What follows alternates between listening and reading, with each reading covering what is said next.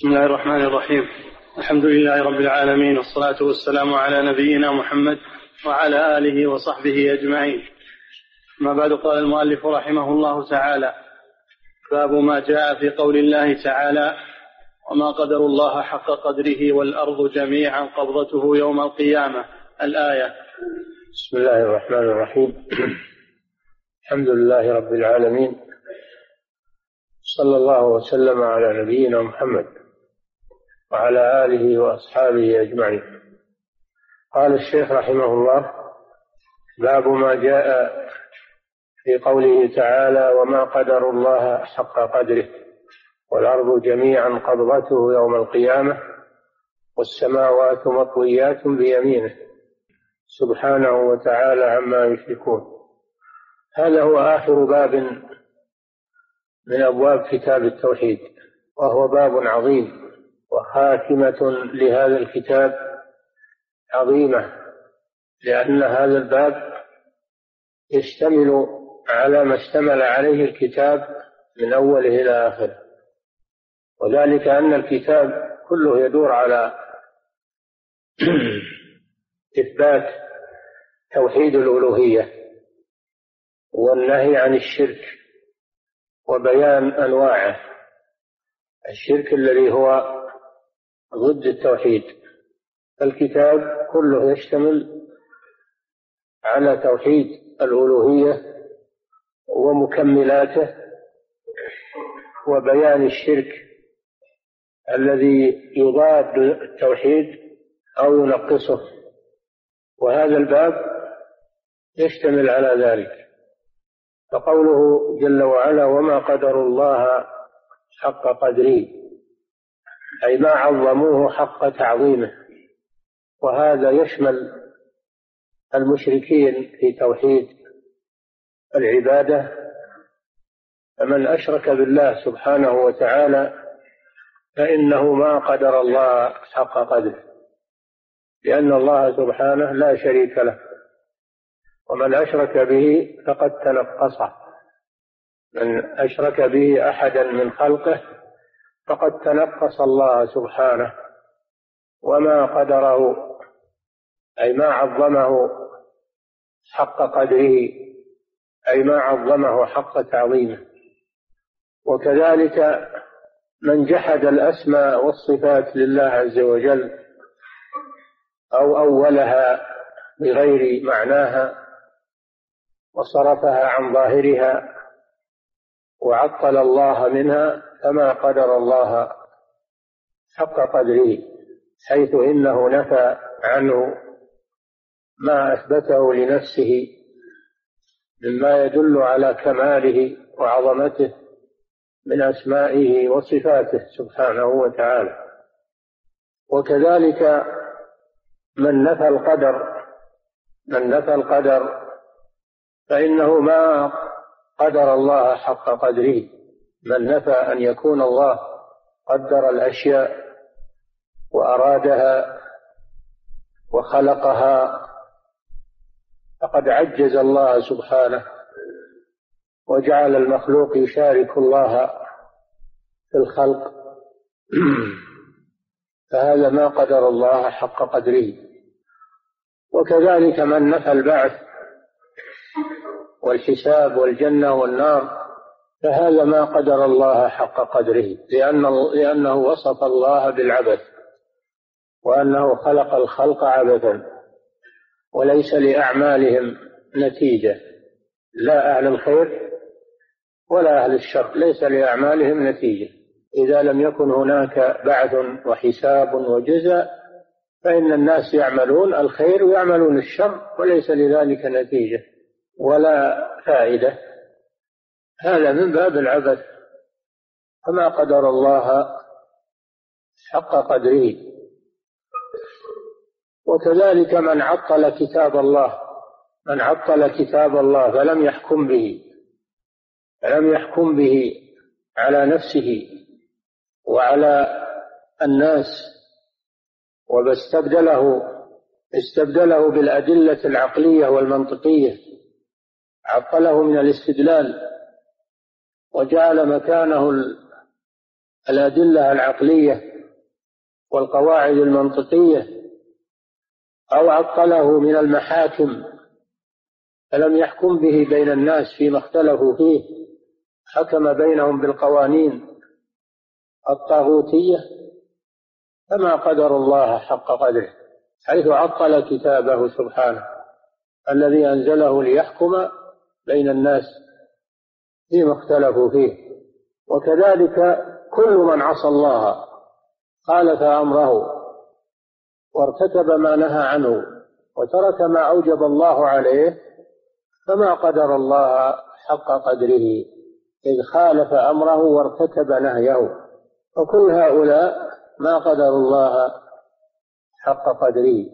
فهم داخلون في هذه الآية. وهذه الآية جاءت في ثلاثة مواضع من كتاب الله. في سورة الأنعام وما قدر الله حق قدره إذ قالوا ما أنزل الله على بشر من شيء. وجاءت في آخر سورة الحج. يا أيها الناس يا أيها الناس ضرب مثل فاستمعوا له. إن الذين تدعون من دون الله لن يخلقوا ذبابا ولو اجتمعوا له. وأن يسلبهم الذباب شيئا لا يستنقذوه منه ضعف الطالب والمطلوب. ما قدروا الله حق قدره. إن الله لقوي عزيز. وجاءت في سورة الزمر وهي التي ساقها المؤلف هنا. وما قدروا الله حق قدره. والأرض جميعا قبضته يوم القيامة والسماوات مطويات بيمينه. وذكر في هذا الباب ما يفسر هذه الآية. من الصحيحين وغيرهما. ولهذا قال باب ما جاء في قوله تعالى يعني ما جاء من الأحاديث التي تفسر هذه الآية الكريمة. نعم. عن ابن مسعود رضي الله عنه قال جاء حبر من الأحبار إلى رسول الله صلى الله عليه وسلم. الحبر هو العالم من اليهود. يقال حبر ويقال حبر فأغلب ما يطلق الحبر على العالم من اليهود. اتخذوا أحبارهم ورهبانهم أربابا من دون الله. والحبر يطلق على العالم سواء كان من اليهود أو من غيرهم. ولكن الغالب أن هذا اللفظ يستعمل عند اليهود. نعم. جاء حبر من الأحبار إلى رسول الله صلى الله عليه وسلم فقال يا محمد قال يا محمد اليهود يجحدون رسالته صلى الله عليه وسلم ولا يقولون يا رسول الله أو يا نبي الله وإنما يخاطبونه باسمه فيقولون يا محمد أو يقولون يا أبا القاسم لأنهم لا يعترفون برسالته ظاهرا وإن كانوا يعترفون بها باطنا حسدا حسدا من عند أنفسهم. وإلا فهم يعلمون أنه رسول الله. الذين آتيناهم الكتاب يعرفونه كما يعرفون أبناءهم وإن فريقا منهم ليكتمون الحق وهم يعلمون. فهذا الحبر من من اليهود نادى رسول الله صلى الله عليه وسلم باسمه ولم يقل يا رسول الله. نعم.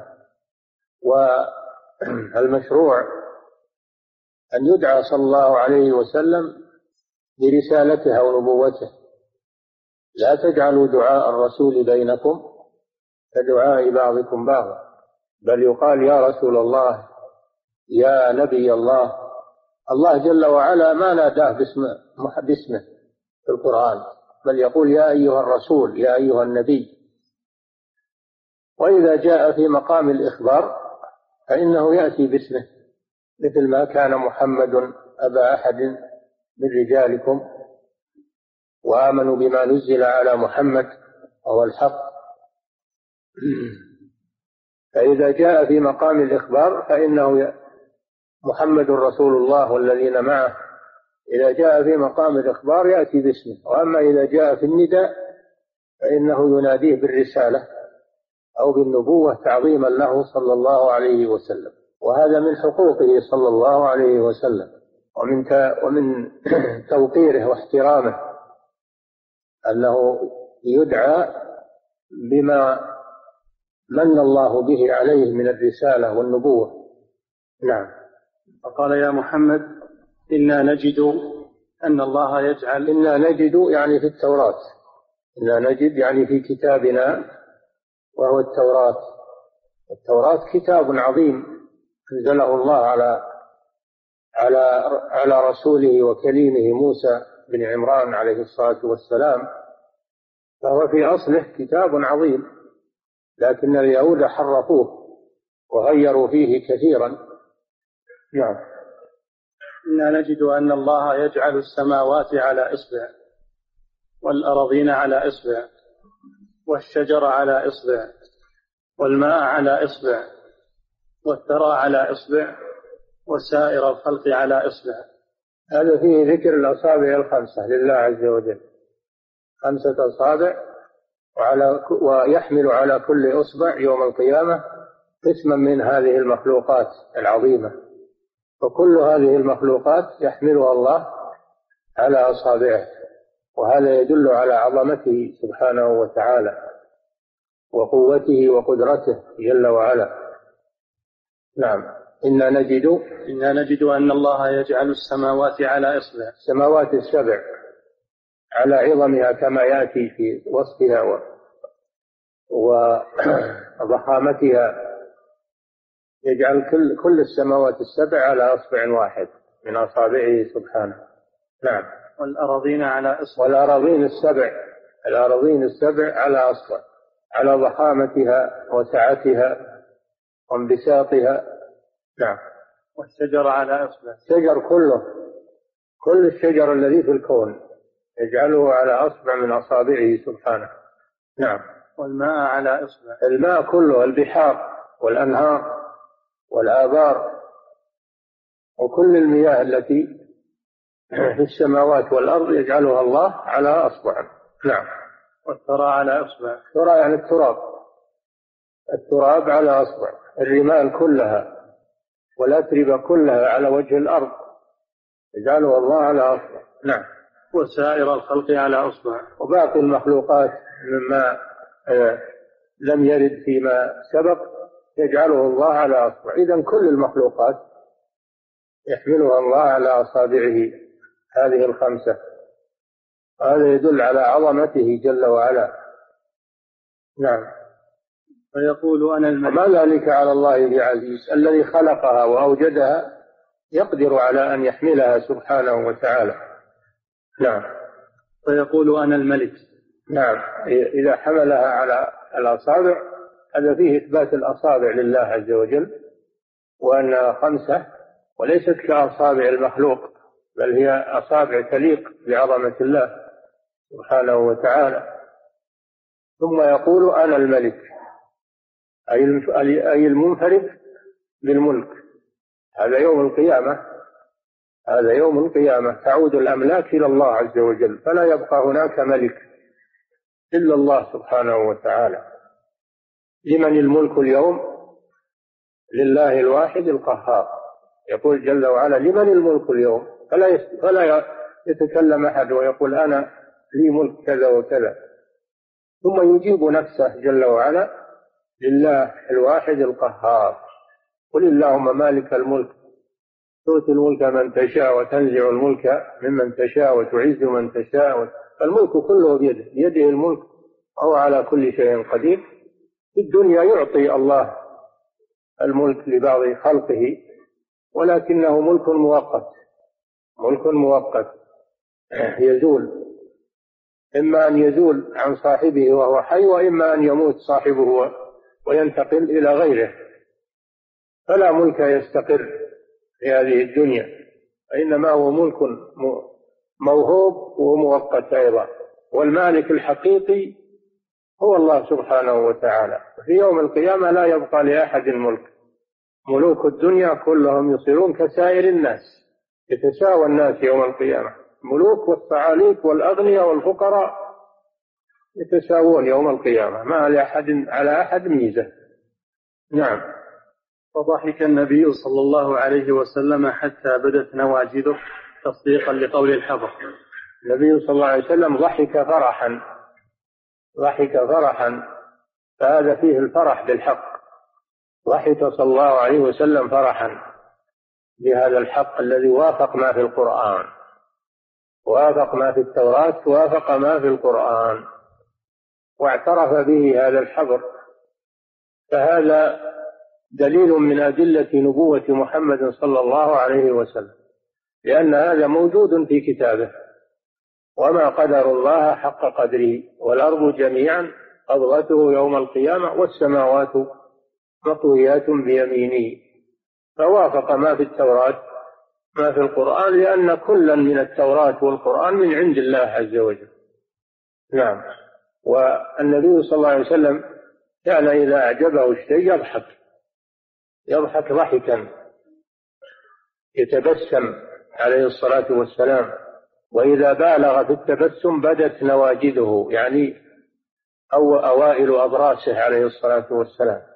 لأنه ما كان يبالغ في الضحك ويقهقه كما يفعل الناس أو بعض الناس يقهقه ويبالغ في الضحك.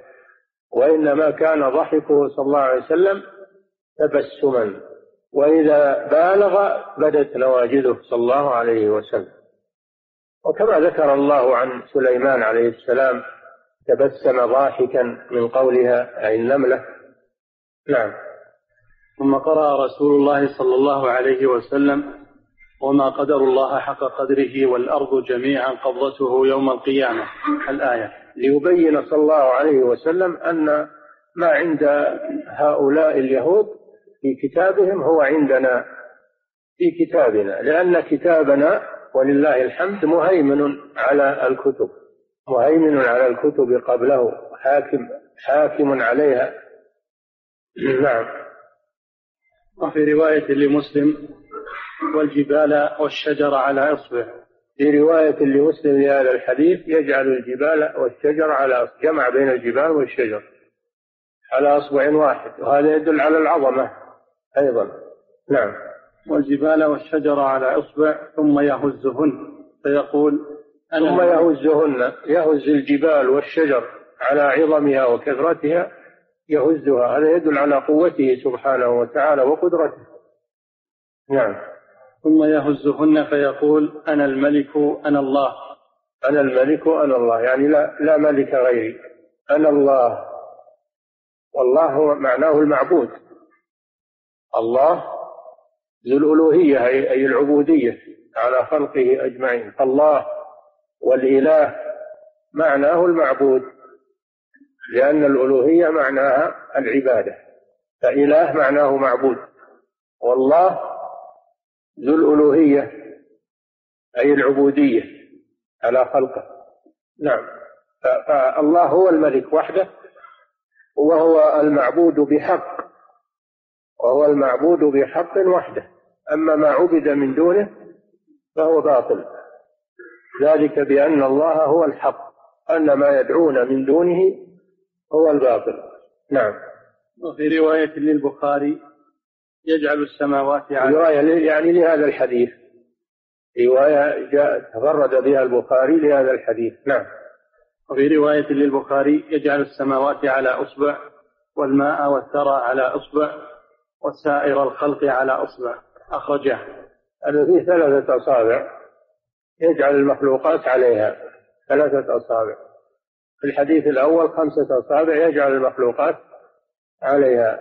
ولا تنافي بين بين هذه الروايات لأنها كلها تدل على عظمة الله سبحانه وتعالى.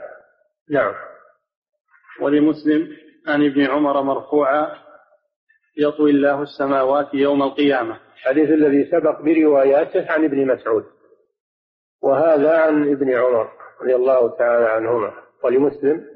ولمسلم عن ابن عمر مرفوعا يطوي الله السماوات يوم القيامة. ثم يأخذهن بيده اليمنى. نعم. ثم يقول أنا الملك أين الجبارون؟ أين المتكبرون؟ نعم. ثم يطوي الأراضين السبع. ثم يأخذهن بشماله. ثم يقول أنا الملك أين الجبارون؟ أين المتكبرون؟ هذا مذكور في الآية.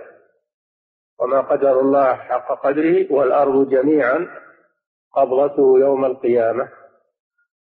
والسماوات مطويات بيمينه وفي الحديث يفسر هذا أنه يطوي السماوات بيده اليمنى ويطوي الأراضين بيده آه، الشمال. يسمى شمالا وهو في الحقيقة يمين لأن كلتا يديه يمين سبحانه وتعالى كما في صحة الحديث. كلتا يديه يمين فشماله يمين خلاف المخلوق. فإن شماله غير يمينه هذا المخلوق. أما الله جل وعلا فكلتا يديه يمين وإن كانت إحداهما تسمى شمالا. نعم. فهي شمال وهي يمين أيضا. هذا في حق الله جل وعلا. نعم. ثم يقول أنا الملك أين الجبارون؟ أين المتكبرون؟ أنا الملك كما في الرواية الأولى. أي المنفرد بالملك.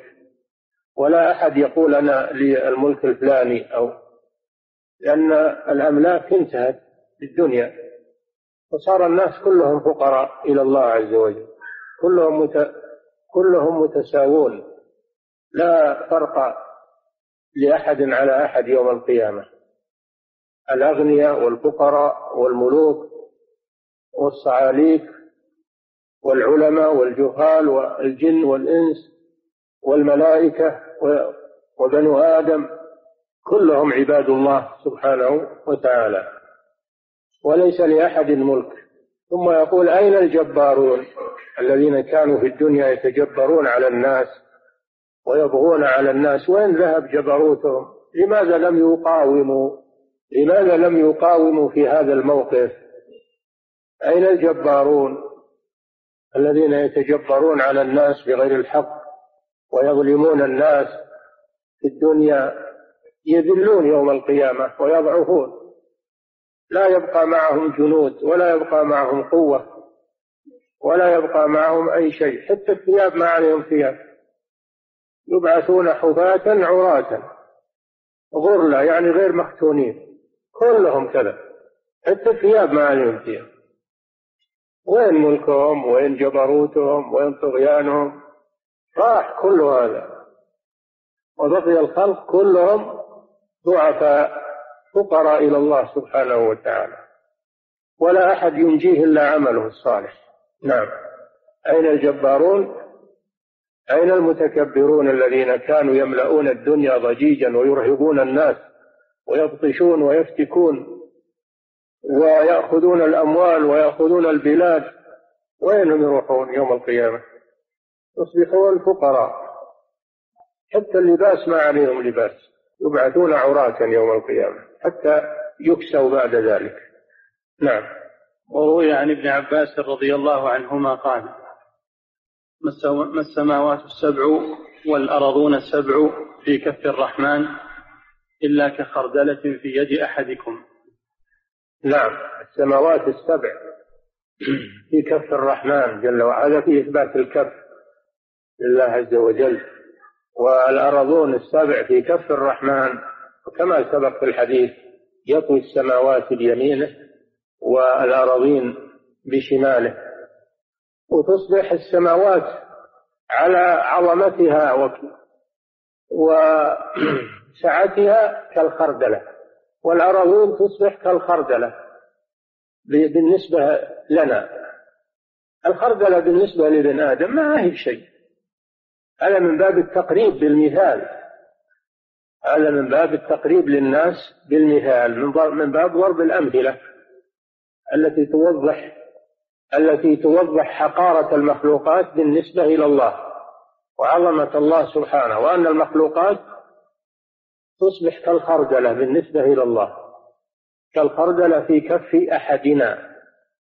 هذا ليس من باب تشبيه المخلوق بالخالق. وإنما هو من باب التقريب للناس في صغر الأشياء بالنسبة إلى الله. تصغر بالنسبة إلى الله كما تصغر الخردلة في كف أحدنا. نعم.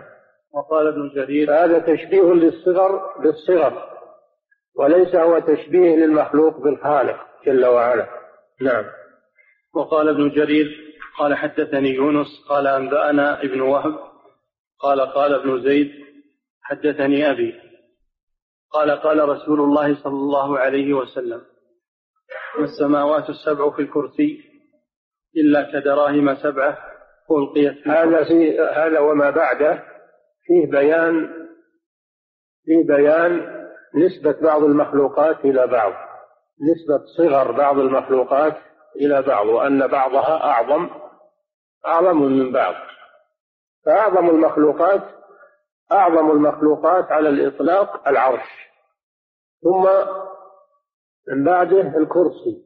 ثم من بعد الكرسي الأرض السماوات والأرض السماوات والأرض. فالعرش هو أعظم المخلوقات. ثم من بعده الكرسي. ثم من بعده السماوات والأرض بالنسبة للكرسي. والله أعظم من كل شيء سبحانه وتعالى. نعم. قال ابن زيد حدثني أبي قال قال رسول الله صلى الله عليه وسلم ما السماوات السبع في الكرسي إلا كدراهم سبعة ألقيت في ترس. السماوات السبع على سعتها وعظمتها والسماء بنيناها بأيد وإنا لموسعون. السماوات واسعة. هذه السماوات السبع بالنسبة للكرسي كسبعة دراهم في ترس. سبعة دراهم من الفضة. دراهم معروفة.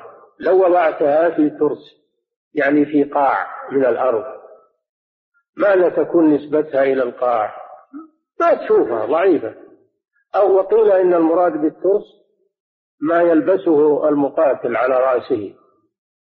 ما ما ما يجعله المقاتل دونه. ما هو ما يلبسه لا ما يجعله دونه يتترس به. يتترس به وهو على شكل على شكل الصحن على شكل الصحن.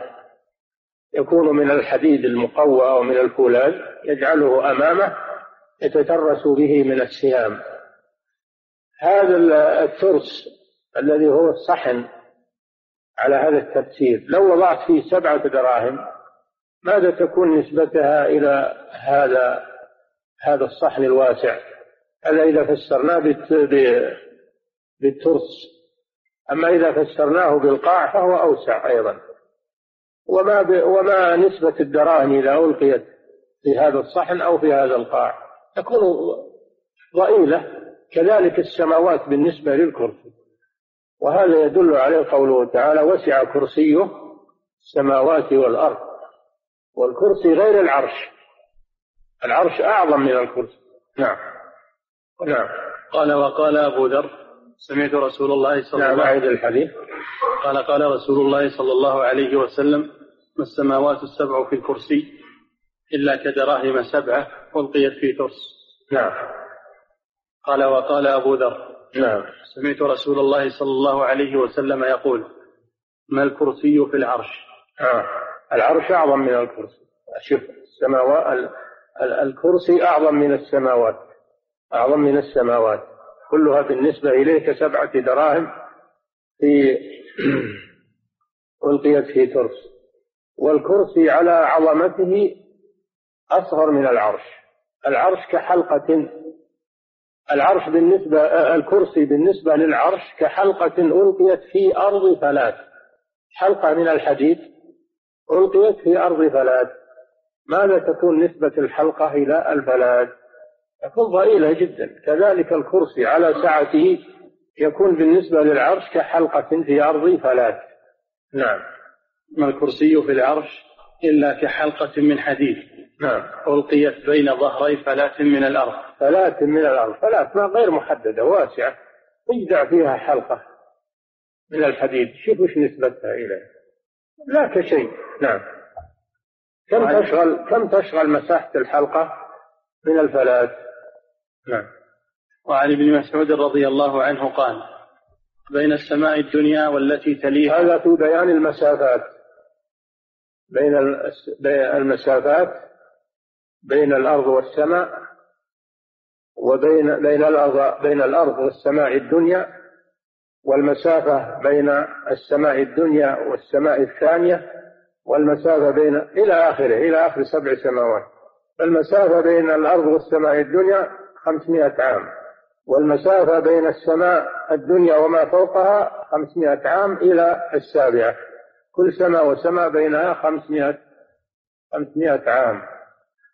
وكثف كل سماء كثفها يعني سمكها خمسمائة عام. خمسمائة عام وفوق السماوات الكرسي. خمسمائة عام وفوق الكرسي بحر ما بين أسفله وأعلاه خمسمائة عام وفوق وفوق البحر العرش. قال تعالى وكان عرشه على الماء. هذا هذا بحر غير البحر الذي في الأرض.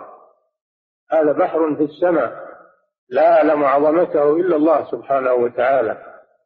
فالمخلوقات حينئذ أولا الأرض وبينها وبين السماء الدنيا خمسمائة عام ثانيا السماوات السبع ثالثا الكرسي رابعا البحر خامسا العرش.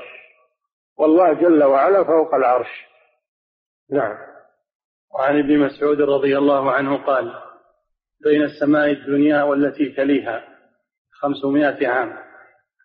وبين كل سماء وسماء خمسمائة عام. وبين السماء السابعة والكرسي خمسمائة عام. وبين الكرسي والماء خمسمائة عام. والعرش فوق الماء. نعم. والله فوق العرش. لا يخفى عليه شيء من أعمالكم. نعم. هذا فيه إثبات علو الله سبحانه وتعالى فوق مخلوقاته. كما وردت بذلك الأدلة من الكتاب والسنة والفطرة تدل على علو الله على مخلوقاته. ومع علوه فوق مخلوقاته لا يخفى عليه شيء في الأرض ولا في السماء. فهو مع علوه عالم بكل ما يكون في هذا الكون. لا يخفى عليه شيء.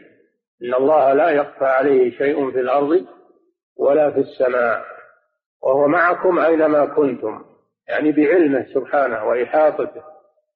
هو معنا وهو فوق سماواته. معنا بعلمه وهو فوق سماواته على عرشه. ولا يتنافى علوه مع إحاطته وعلمه بما بما في هذا الكون. فليس هو كالمخلوق إذا ارتفع وبعد يخفى عليه ما تحته.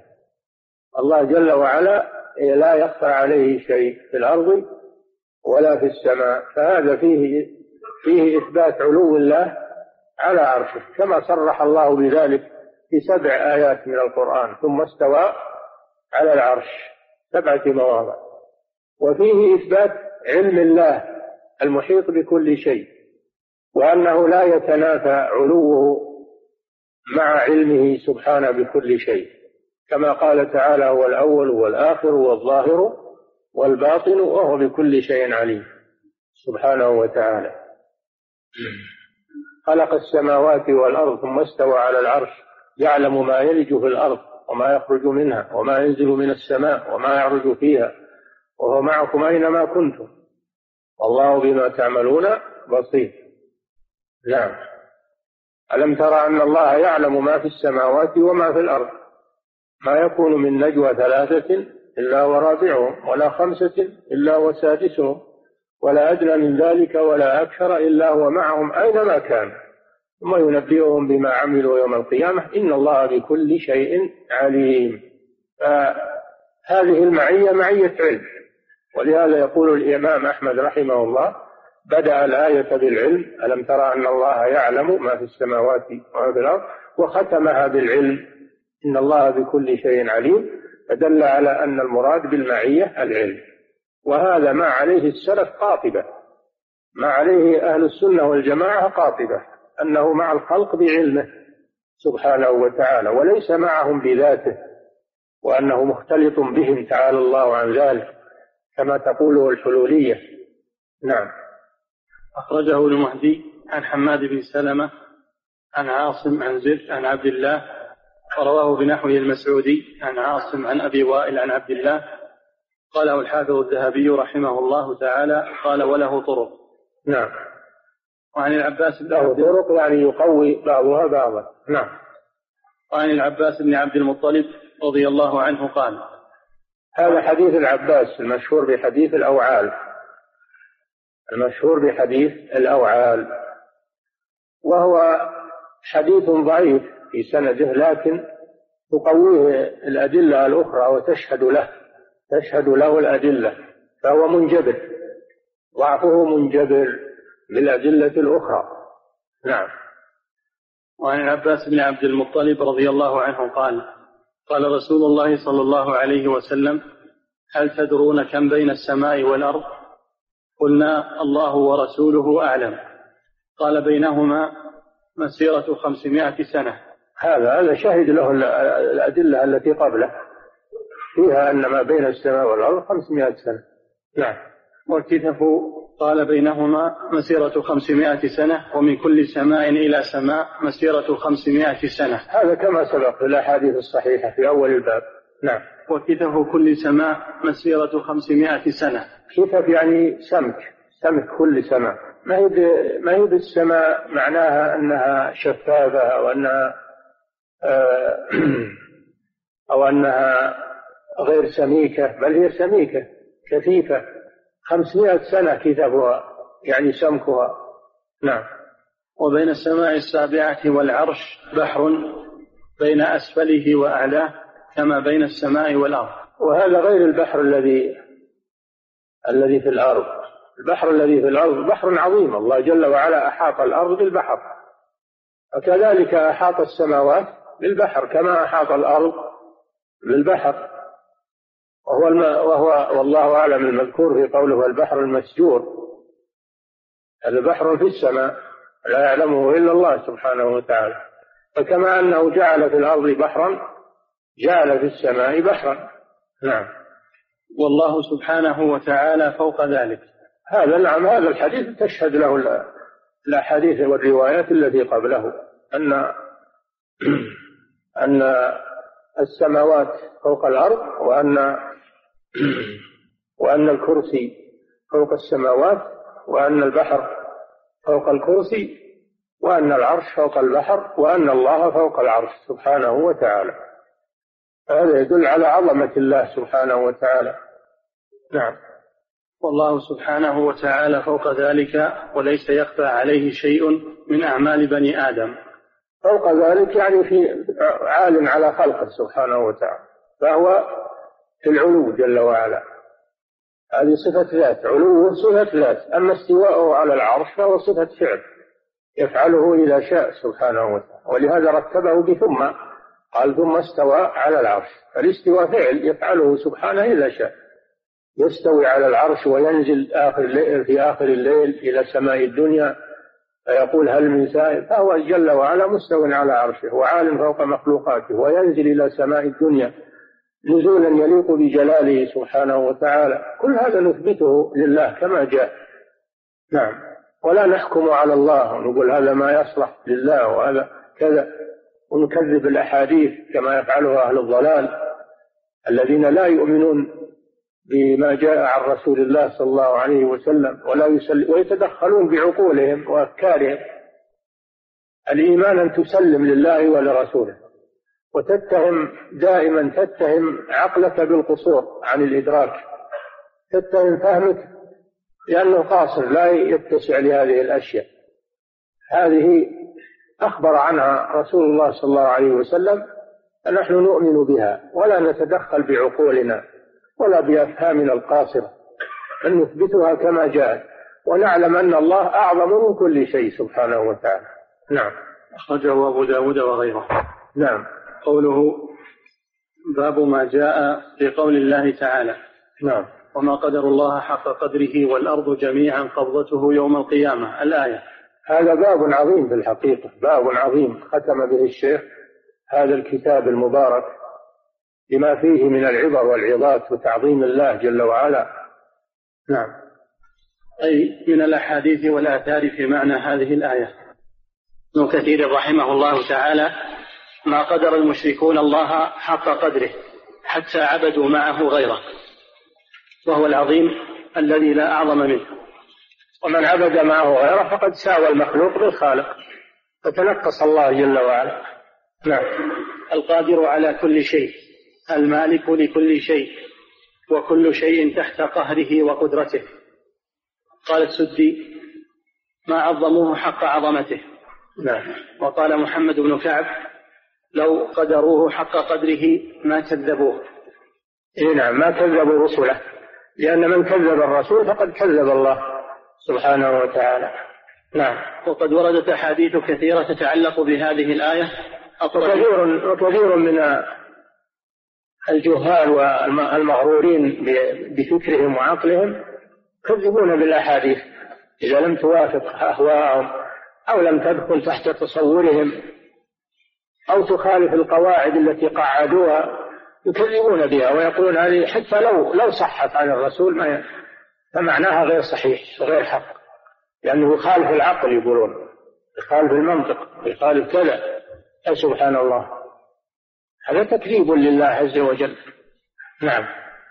وقد وردت وقد وردت أحاديث كثيرة تتعلق بهذه الآية الطريق فيها وفي أمثالها مذهب السلف وهو إمرارها كما جاءت من غير تكييف ولا تحريف. نعم. الطريق فيها طريق السلف ما ذكر في هذا الباب وفي غيره.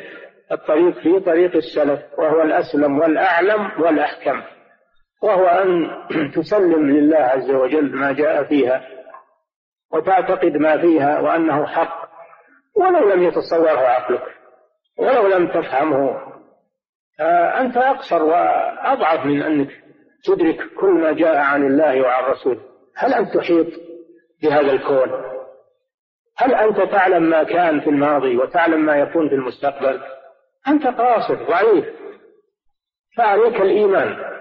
المهم صحة الحديث. فإذا صح نعلم أنه حق. سواء فهمناه أو لم أو لم نفهمه نسلم لله عز وجل. نعم. قوله عن ابن مسعود. الله جل وعلا يقول بل كذبوا بما لم يحيطوا بعلمه وما ولم يأتهم تأويله. بل كذبوا بما لم يحيطوا بعلمه ولما يأتهم تأويله. يعني حقيقته ووقوعه في المستقبل. فإذا جاء تأويله صدقوه حين ذاك. يوم يأتي تأويله يقول الذين نسوه من قبل قد جاءت رسل ربنا بالحق. هل يكذبوا في الدنيا؟ وقالوا أبد هذا ما يتصور العقل ولا يوافق الفكر.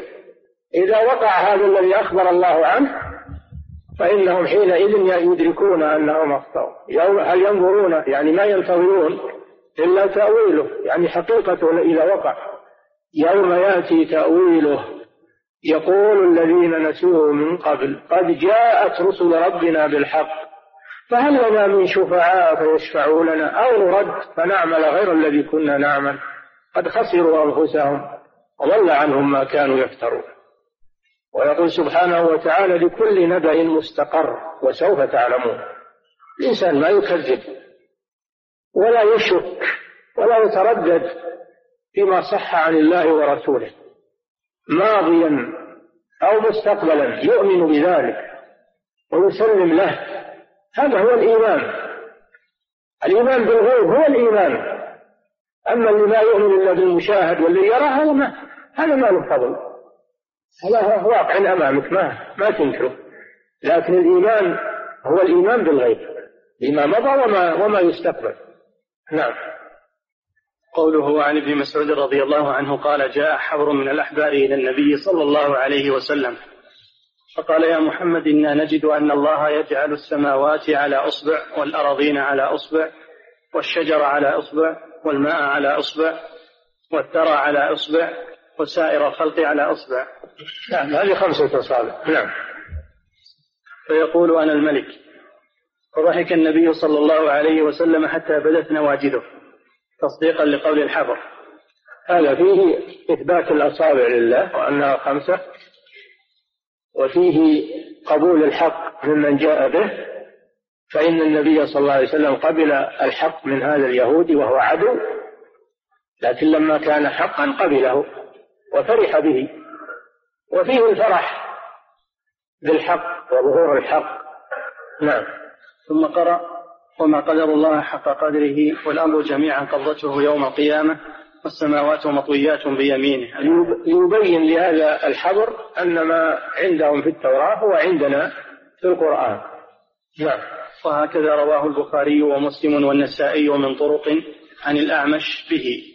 نعم. وقال البخاري حدثنا سعيد بن عفير قال حدثنا الليث قال حدثني عبد الرحمن بن خالد بن مسافر عن ابن شهاب عن أبي سلمة بن عبد الرحمن عن أبي هريرة رضي الله عنه قال سمعت رسول الله صلى الله عليه وسلم يقول يقبض الله الأرض ويطوي السماء بيمينه. فيقول أنا الملك أين ملوك الأرض؟ تفرد به من هذا الوجه. نعم.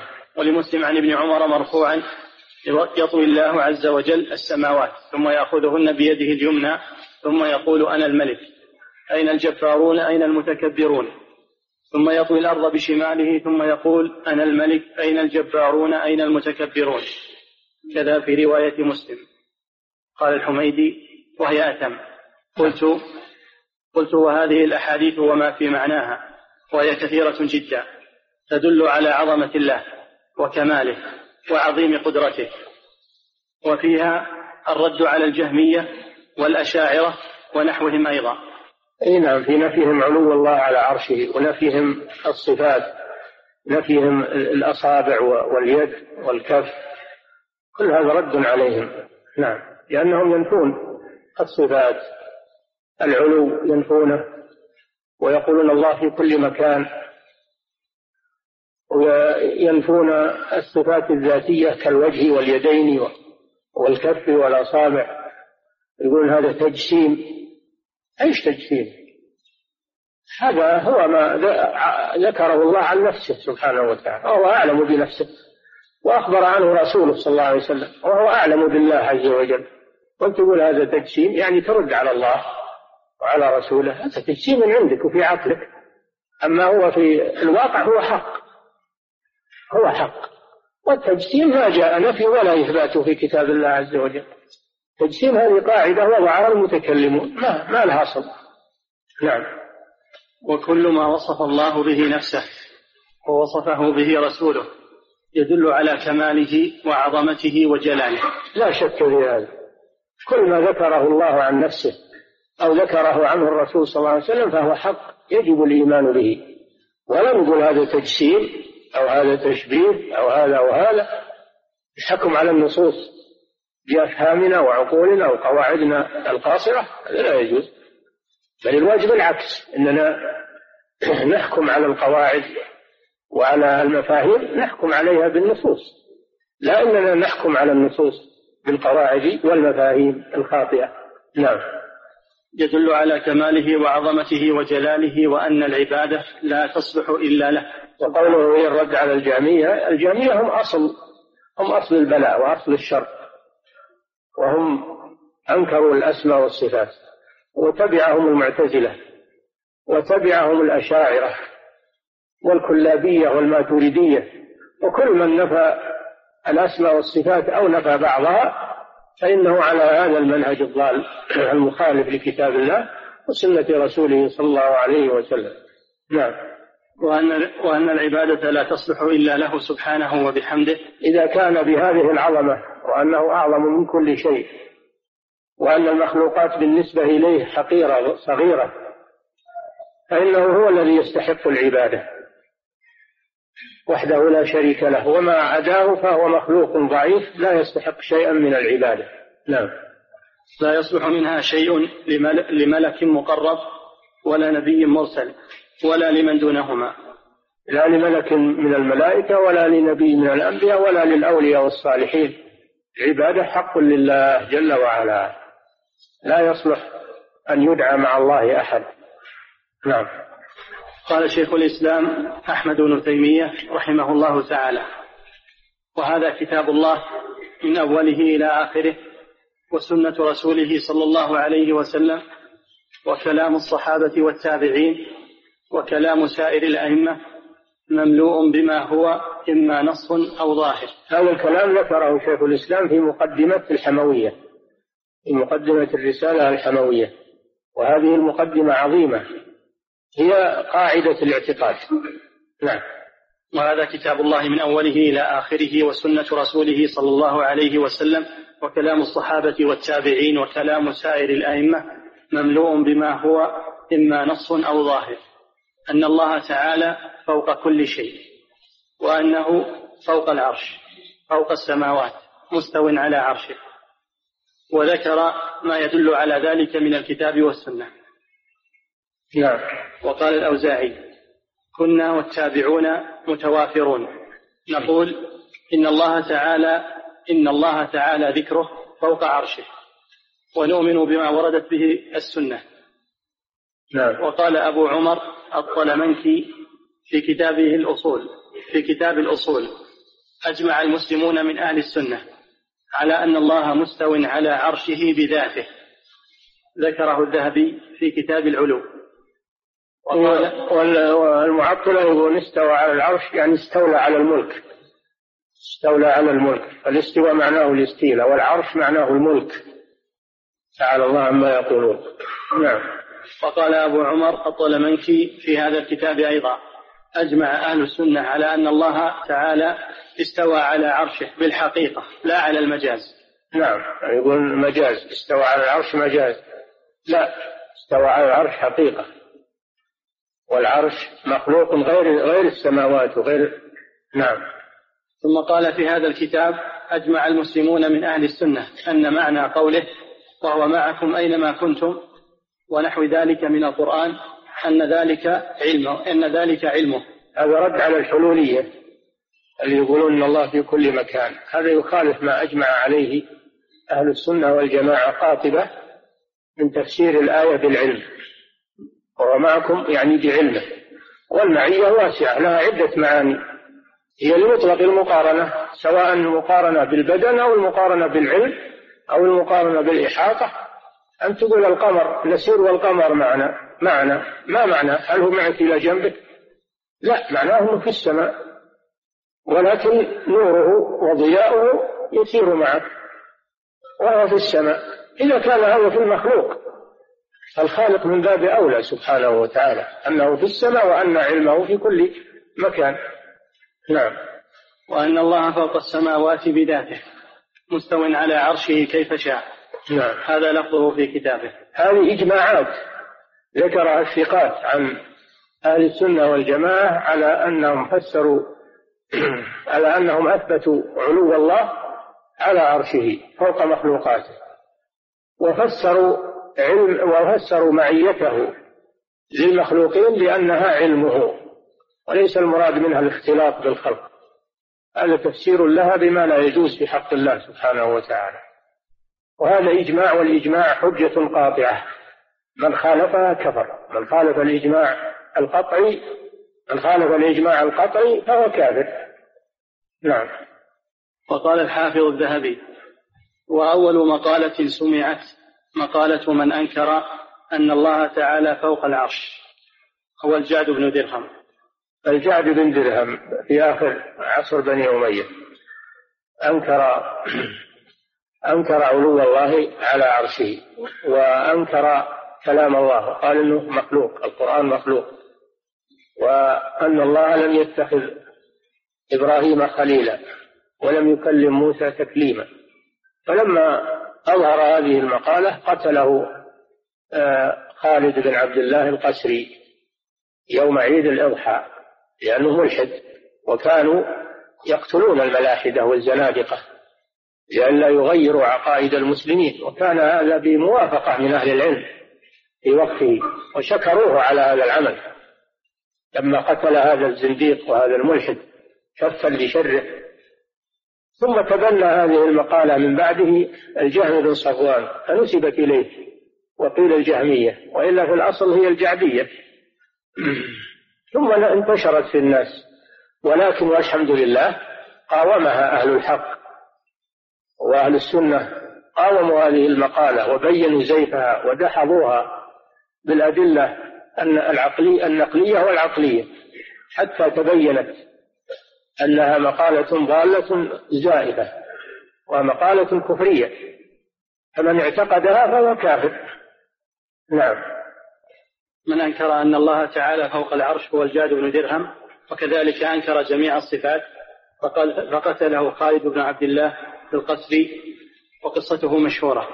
نعم. فأخذ هذه المقالة عنه الجهم بن صفوان نعم. إمام الجهمية فأظهرها واحتج لها بالشبهات وكان ذلك في آخر عصر التابعين فأنكر مقالته أئمة ذلك العصر مثل الأوزاعي وأبي حنيفة ومالك والليث بن سعد والثوري وحماد بن زيد وحماد بن سلمة وابن المبارك ومن بعدهم من أئمة الهدى وحاصروها حاصروها وبينوا بطلانها وهذا من فضل الله أنه ما تظهر مقالة مقالة ولا لله ويقيض الله لها من يردها ويبطلها.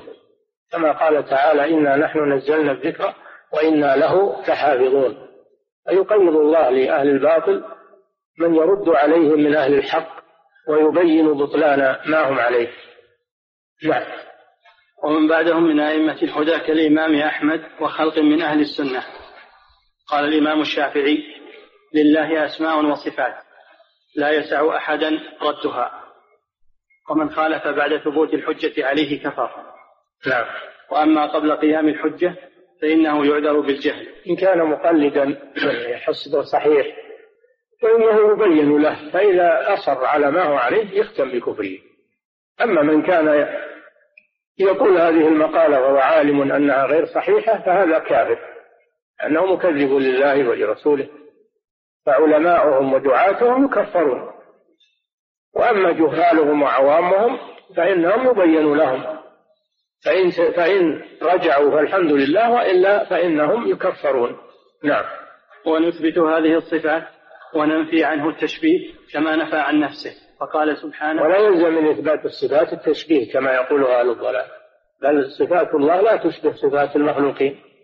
بل إن صفات المخلوقين أيضا لا تتشابه. لا تتشابه صفات المخلوقين. فكيف بصفة الخالق تشبه صفة المخلوقين؟ نعم. كما نفى عن نفسه فقال ليس كمثله شيء وهو السميع البصير. نعم. انتهى من فتح الباري. قوله وعن العباس بن عبد المطلب ساقه المصنف مختصرا. والذي في سنن أبي داود عن العباس بن عبد المطلب قال كنت في البطحاء في عصابة فيهم رسول الله صلى الله عليه وسلم. فمرت بهم سحابة فنظر إليها فقال ما تسمون هذه؟ قالوا السحاب قال والمزن. قالوا والمزن. قال والعنان. قالوا والعنان. قال أبو داود لم أتقن العنان جيدا. قال هل تدرون ما بعد؟ هل تدرون ما بعد ما بين السماء والأرض؟ قالوا لا ندري. قال إن بعد ما, بينه ما بينهما إما واحدة أو اثنتان أو ثلاث وسبعون سنة. ثم السماء فوق فوقها كذلك. هذا فيهن 71 أو 72 أو 73 سنة لكن في الأحاديث الأخرى 500 سنة. والجمع بين هذا قالوا هذا اختلاف السير. السير بعضه سريع فتكون المدة يسيرة وبعضه بطيء فتكون المدة طويلة. هذا باختلاف السير. نعم. ثم السماء فوقها كذلك حتى عدد سبع حتى عدد سبع سماوات.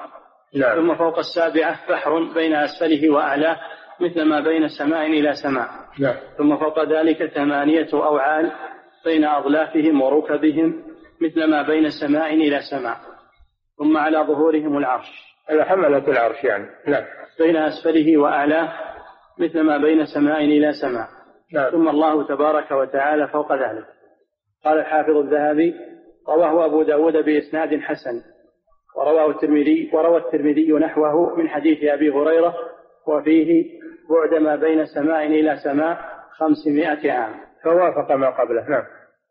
قال ولا منافاة بينهما لأن تقدير ذلك بخمسمائة عام هو على سير القافلة مثلا ونيف وسبعون سنة على سير البريد. قلت وهذا الحديث له شواهد في الصحيحين وغيرهما مع ما يدل عليه صريح القرآن فلا عبرة بقول من ضعفه. نعم هو ضعيف في سنده لكنه صحيح بالمتابعات. صحيح بالمتابعات والضعيف قد يرتقي يرتقي إلى الحسن إلى درجة الحسن لغيره. نعم. وقد وقد ابتدأ المصنف رحمه الله تعالى هذا المصنف العظيم ببيان توحيد الإلهية لأن أكثر الأمة ممن تأخر قد جهلوا هذا التوحيد. توحيد الألوهية. أول باب باب كتاب التوحيد وقول الله تعالى وما خلقت الجن والإنس إلا ليعبدون توحيد الألوهية. نعم. لأن أكثر الأمة ممن تأخر قد جهلوا هذا التوحيد وأتوا بما ينافيه من الشرك والتنديد. نعم. فقام هذا الشيخ رحمه الله ببيان التوحيد الذي دعت إليه الرسل ونهوهم عما كانوا عليه من الشرك المنافي لهذا التوحيد. فالدعوة إلى ذلك هي أهم الأمور وأوجبها لمن وفقه الله لفهمه وأعطاه القدرة على الدعوة إليه والجهاد لمن خالفه ممن أشرك بالله في عبادته. يجب الدعوة إلى التوحيد والنهي عن الشرك. ما يكفي الدعوة إلى التوحيد؟ بل لابد من النهي عن الشرك. لأنك لما تدعو إلى التوحيد ولا تبين الشرك يظنون ما هم عليه توحيد. فإذا بينت أن هذا شرك عرفوا التوحيد والشرك. نعم.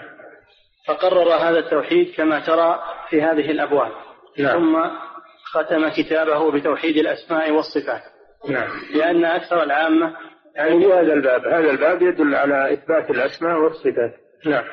لأن أكثر العامة لم يكن لهم التفات إلى هذا العلم.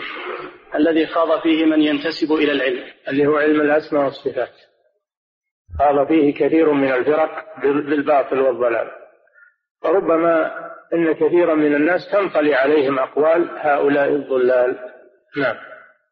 لأن أكثر العامة لم يكن لهم التفات إلى هذا العلم الذي خاض فيه من ينتسب إلى العلم وأما من ينتسب إلى العلم فهم أخذوا عمن خاض في هذه العلوم وأحسنوا الظن بأهل الكلام وظنوا أنهم على شيء فقبلوا مذهبهم وما وجدوه عنهم فقرروا مذهب الجهمية.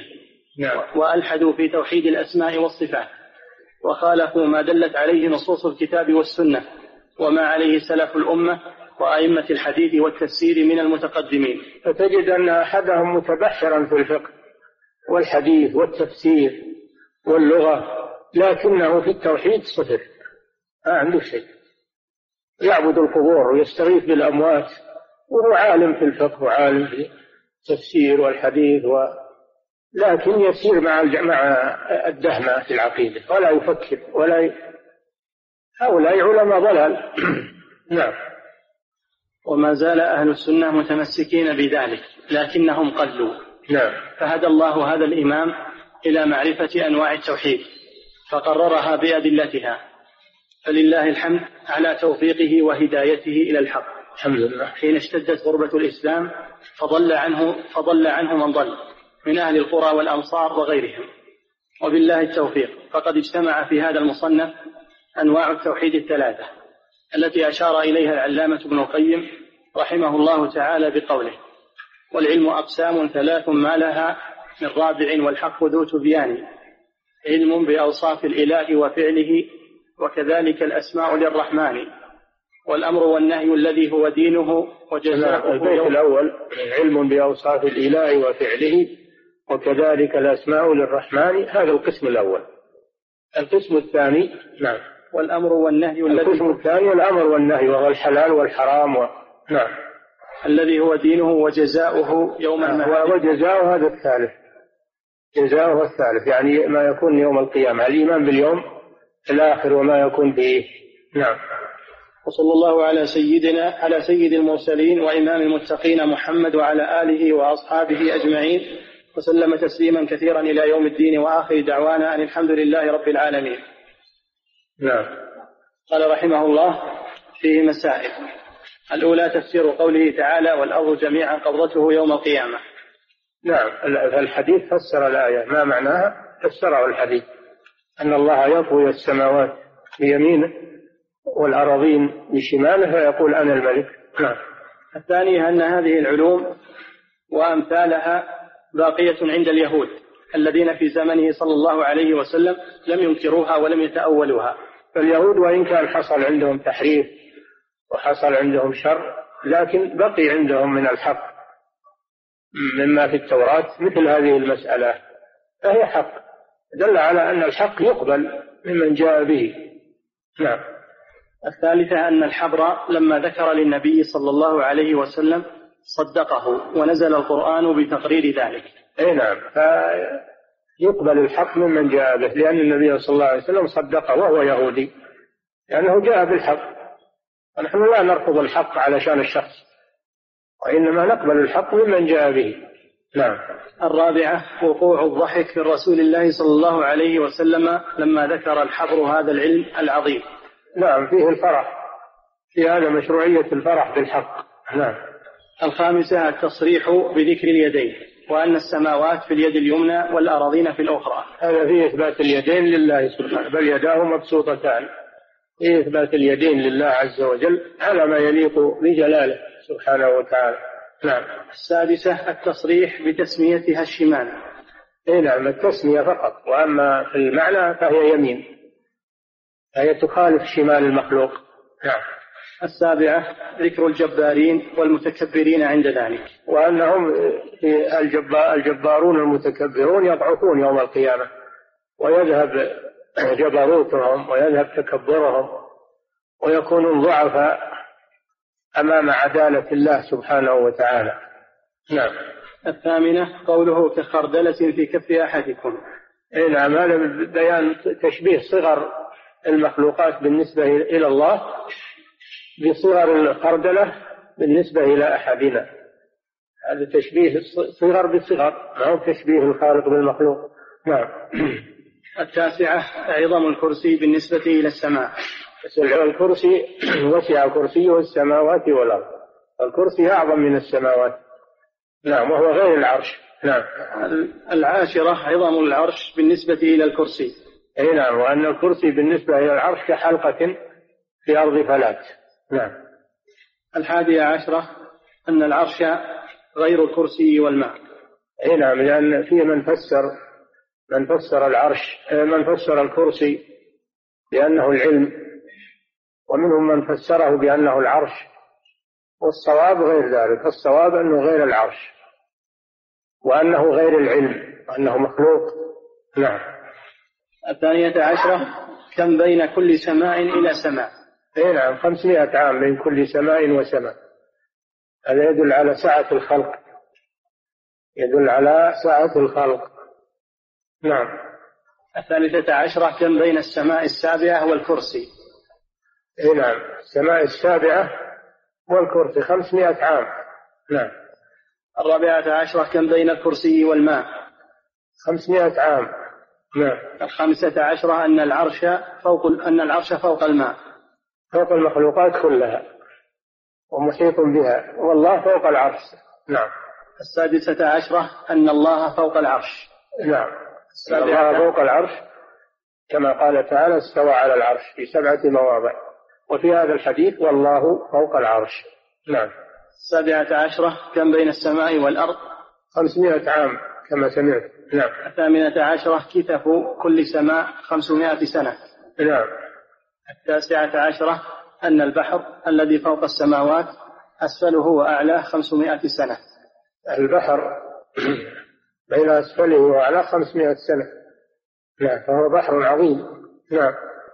يقول فضيلة الشيخ وفقكم الله ظاهر حديث ابن مسعود رضي الله عنه أن أصابع الله سبحانه وتعالى ستة حيث إنه عد ستة أصابع.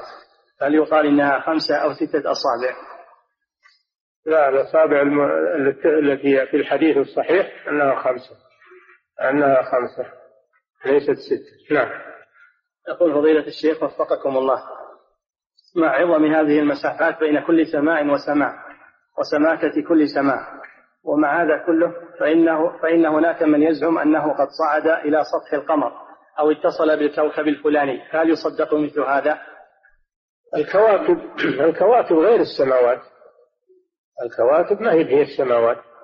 الكواكب مخلوقات تسير في أفلاكها غير السماوات.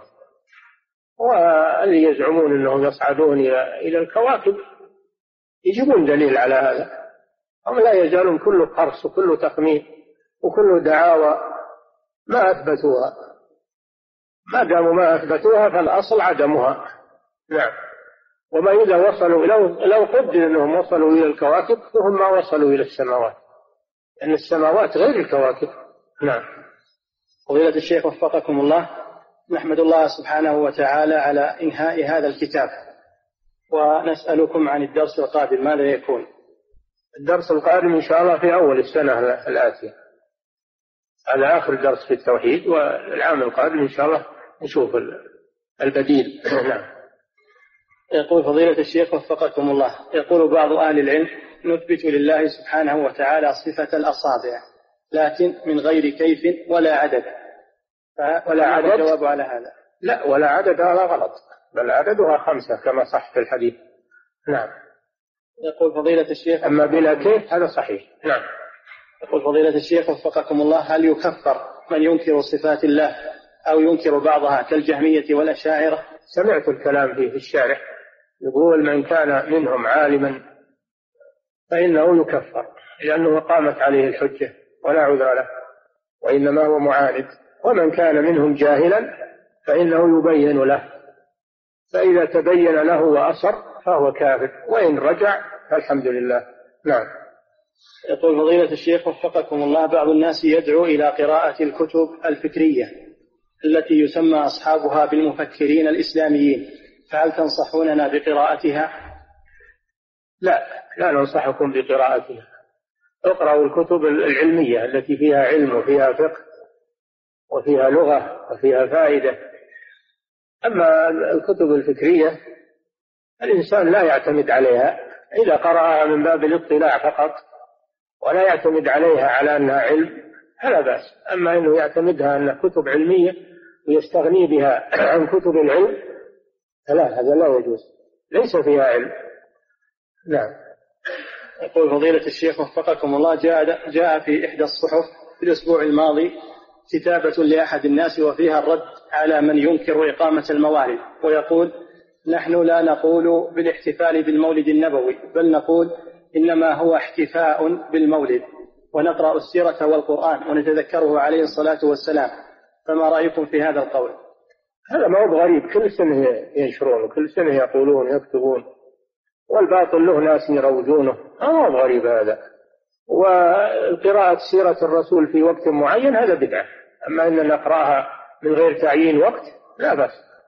مطلوب منا نقرأ سورة الرسول صلى الله عليه وسلم ونعتبر بها ونقتدي به صلى الله عليه وسلم. لكن تخصيص وقت لها هذا بدعة. ما أنزل الله بها من سلطان. نعم. الله تعالى أعلم وصلى الله وسلم على نبينا محمد